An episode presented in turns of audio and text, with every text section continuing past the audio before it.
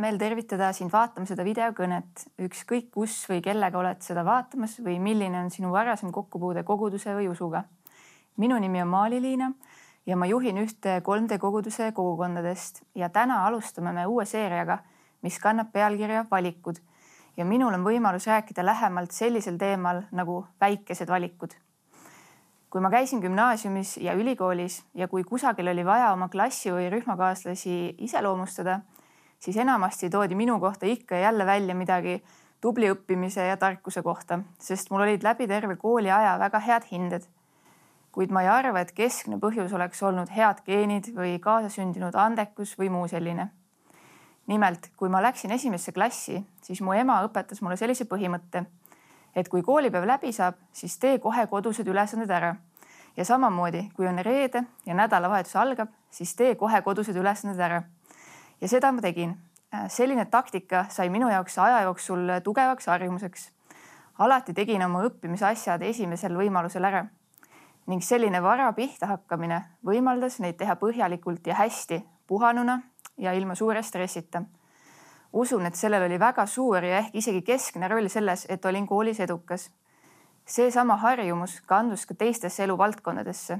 ükskõik, mis ülesannet mul tuli täita, alustasin võimalikult vara pihta ja senimaani meeldib mulle võimalusel toimetada just nii kõige enam ja see aitab teha asju hästi. ühesõnaga, üks väike igapäevane valik, millest kasvas tugev harjumus, on minu elu suunanud palju, avanud mitmeid uksi ja aidanud teostuda nii mõnelgi unistusel. vahel võivad väikesed valikud tunduda üsna tühised, kuid tegelikkuses kannavad ehk olulisematki rolli kui mõned elu suured murrangulised sündmused. Üks võimalus väikestest valikutest rääkida on öelda, et need on meie harjumused. ja nii proovin ma täna ka antud teemale läheneda. ehk siis just need väikesed valikud, mida teeme järjepidevalt, ehk siis meie harjumused on need, millel on väga suur kaal. pastor Craig Rochelle on öelnud, et väikesed valikud, mida keegi ei näe, toovad suuri muutusi, mida kõik igatsevad. Piiblis Sakaria raamatus, kus räägib Iisraeli rahvale olulise templi ehitusest, mis alguses oli üsna tagasihoidlik on öeldud, sest kes pidasid halvaks väikeste alguste päeva, need saavad rõõmustada. ehk teisisõnu, väikestest asjadest võib kasvada midagi väga olulist ja me ei tohiks seda alahinnata. sügisel käisin ma oma tütre Sofiaga ujumas ja kõige kiirem teekond minu kodust sinna hõlmas ühe sellise maanteesõlme läbimist, kust kaudu ma ei olnud varem eriti sõitnud.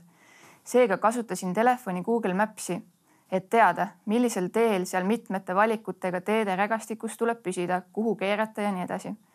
kahjuks aga ei olnud Google Maps'i poolt juhendamine just kõige paremini ajastatud ja nii ei saanud ma aru, et kohas, kus oli võimalik valida üks kahest kõrvuti minevast teest, millest üks oli vaid natukene teisest erinevas suunas, läksin ma valesti.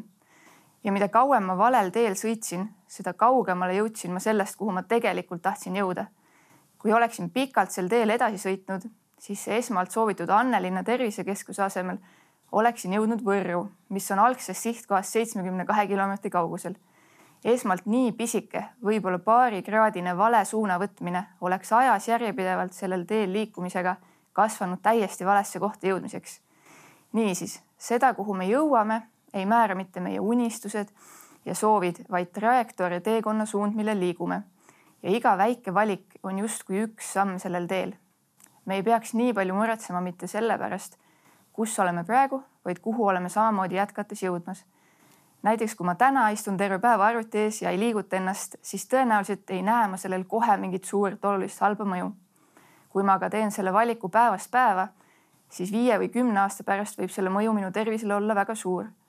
kui ma täna ei pööra oma abikaasale tähelepanu ja ei leia tema jaoks aega, siis tõenäoliselt midagi hullu ei juhtu. kui ma teen seda aga iga päev siis oleks meie suhe mõne aja pärast ilmselt üsna halvas seisus.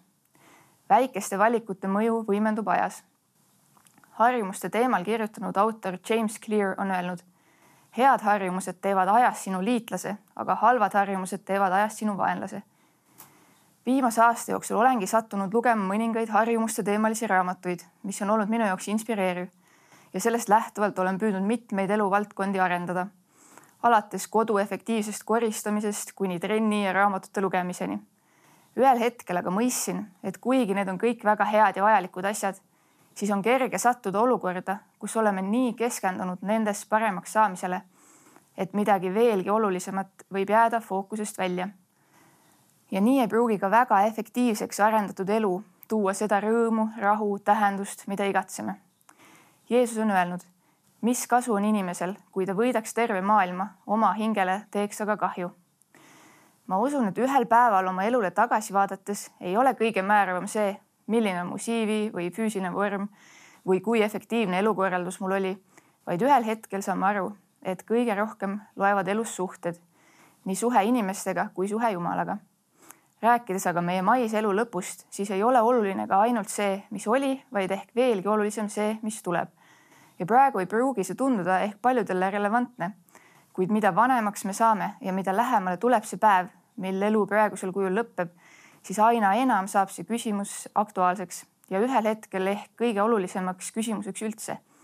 kristlastena usume Jumalat, kes igatseb suhet meiega. Jumal on andnud meile aga valikuvabaduse, ta ei sunni ennast meile peale.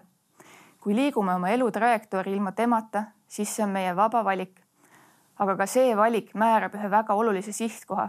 kui me valime elada lahus Jumalast siin selles elus, siis ta austab seda valikut ja seda ka pärast meie praeguse elu lõppu ometi valik olla ilma Jumalast tähendab olla ilma kõigest heast, kui on nii, et Jumal ise ongi lõpuks see, kellest üldse kogu headus ja armastus lähtub.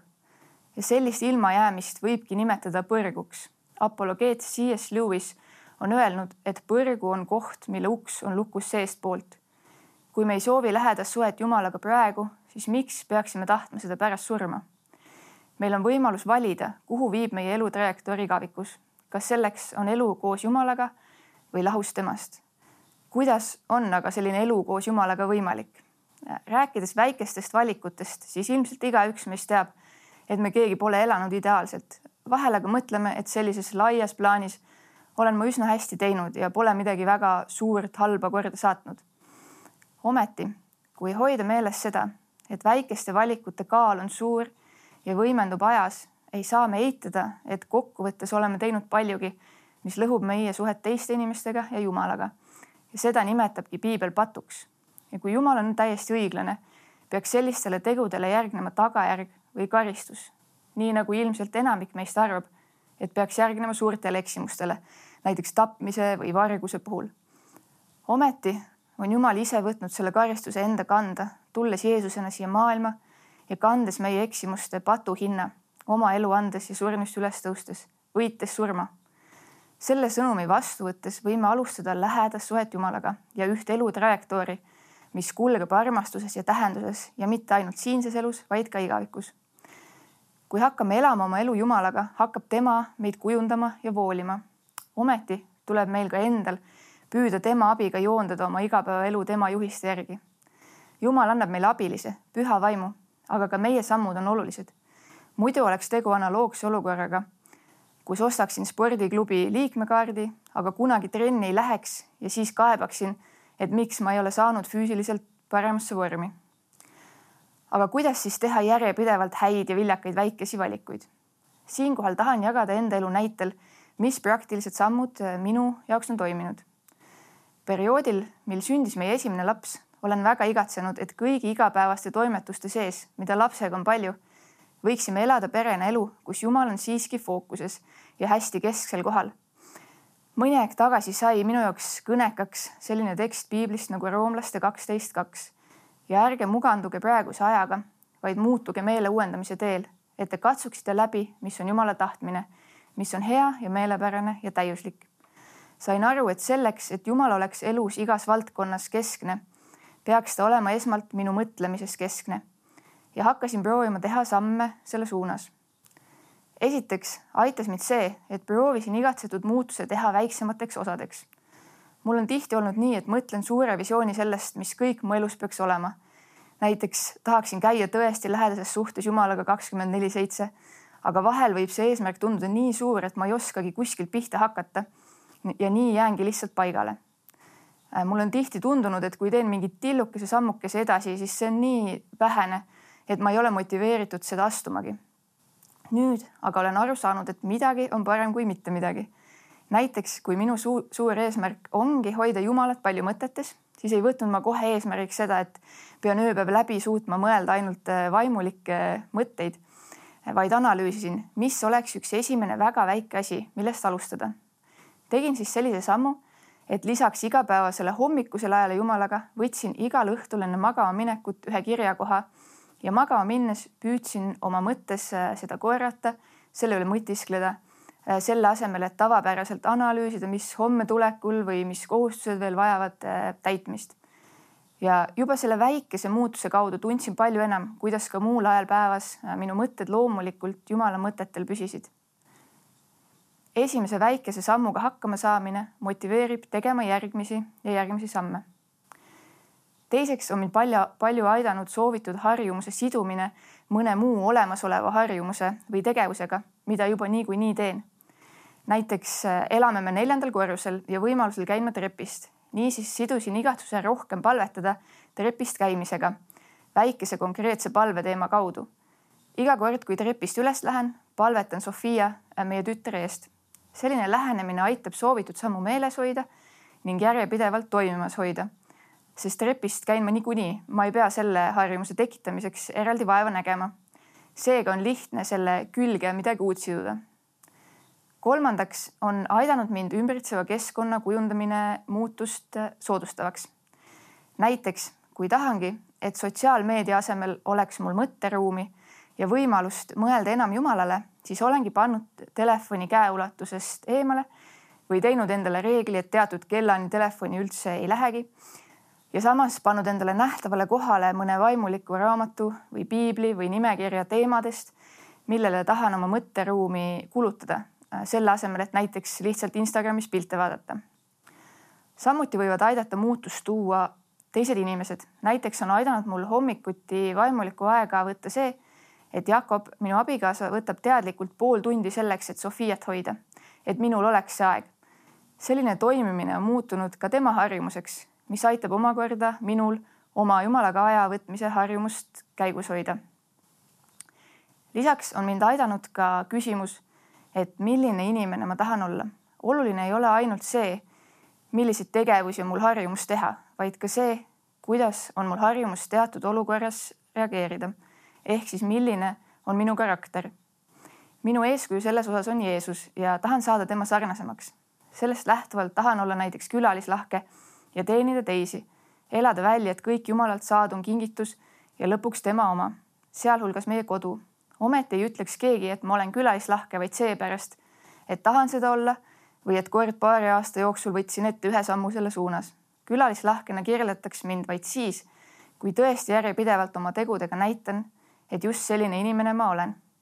nii üritame Jakobiga hoida mõtteviisi, et kui keegi küsib, siis oleme valmis inimesi vajadusel enda juurde ööbima võtma pea alati, kui oleme ise kodus ja pole mingit väga selget põhjust, miks seda teha ei saa see, milliseid väikesi valikuid me teeme, määrab, milliseid lugusid saame rääkida ise ja milliseid lugusid on meie elust rääkida teistel. läbi aja on edu koolis minu jaoks olnud oluline, kuid kristlasena kasvades ja palju ka minu abikaasa Jakobi julgustusel õppisin ülikooli ajal aina enam hoidma prioriteedina ka näiteks koguduses teenimist. enne arstiõppe suuret lõpueksamit pakuti mulle võimalust kõneleda tütarlaste konverentsil Filter ja ma tundsin selgelt, et Jumal kõnetas mind, et ma peaksin seda tegema. aga oli ka suur kiusatus ära öelda, sest mul oli niigi tihe ja stressirohke aeg ja tollel ajal oli avalik kõnelemine minu jaoks väga pingeline, kuid otsustasin siiski võtta selle võimaluse vastu. ja juhtus nii, et seal üritusel tuli usule üks inimene meie kogudusest, kes nüüd ise aktiivselt teisi Jumala juurde aitab. ja mitte kindlasti seda, et minu kõne oli ainuke tegur selles, kuid sellel oli siiski kindlasti oma roll ja nüüd saangi rääkida ühte erilist lugu, mida Jumal tegi minu valmisoleku kaudu. vastasel juhul oleks lugu selline, et jah, mul oli üks võimalus, aga see oleks olnud mulle liiga stressirohke ja ma ei valinud seda. Ja see on ka lugu, aga mitte ilmselt eh, just kõige inspireerivam või täpselt see, mida tahaks oma laste, lapselastele näiteks rääkida. seega, kui sinu ees on küsimus, kuidas teatud olukorras reageerida, kuidas mõnd valikut langetada, siis mõtle, mis on need lood, mida tahad jutustada sina ja milliseks inimeseks tahad sa kujuneda. Galaatia kuus, seitse kuni kaheksa ütleb, ärge eksige, Jumal ei lase ennast pilgata, sest mida inimene iganes külvab, seda ta ka lõikab. Kes oma lihalikule loomusele külvab, see lõikab lihalikust loomusest kaduvust, kes aga vaimule külvab, see lõikab vaimust igavest elu. C.S. Lewis on seda kirja kohta kommenteerinud, et me lõikame, mida külvame, aga hiljem, kui külvame ja rohkem, kui külvame, nii heas kui halvas. mõtle sellele, me lõikame, mida külvame, aga hiljem, kui külvame ja rohkem, kui külvame. see on tõsi nii vaimulikes kui ka kõigis teistes valdkondades meie eludes. meie igapäeva väikesed valikud, harjumused on üks pidev külvamine. nii et küsimus ongi selles, millist vilja lõikad sina, kui jätkad samamoodi külvamist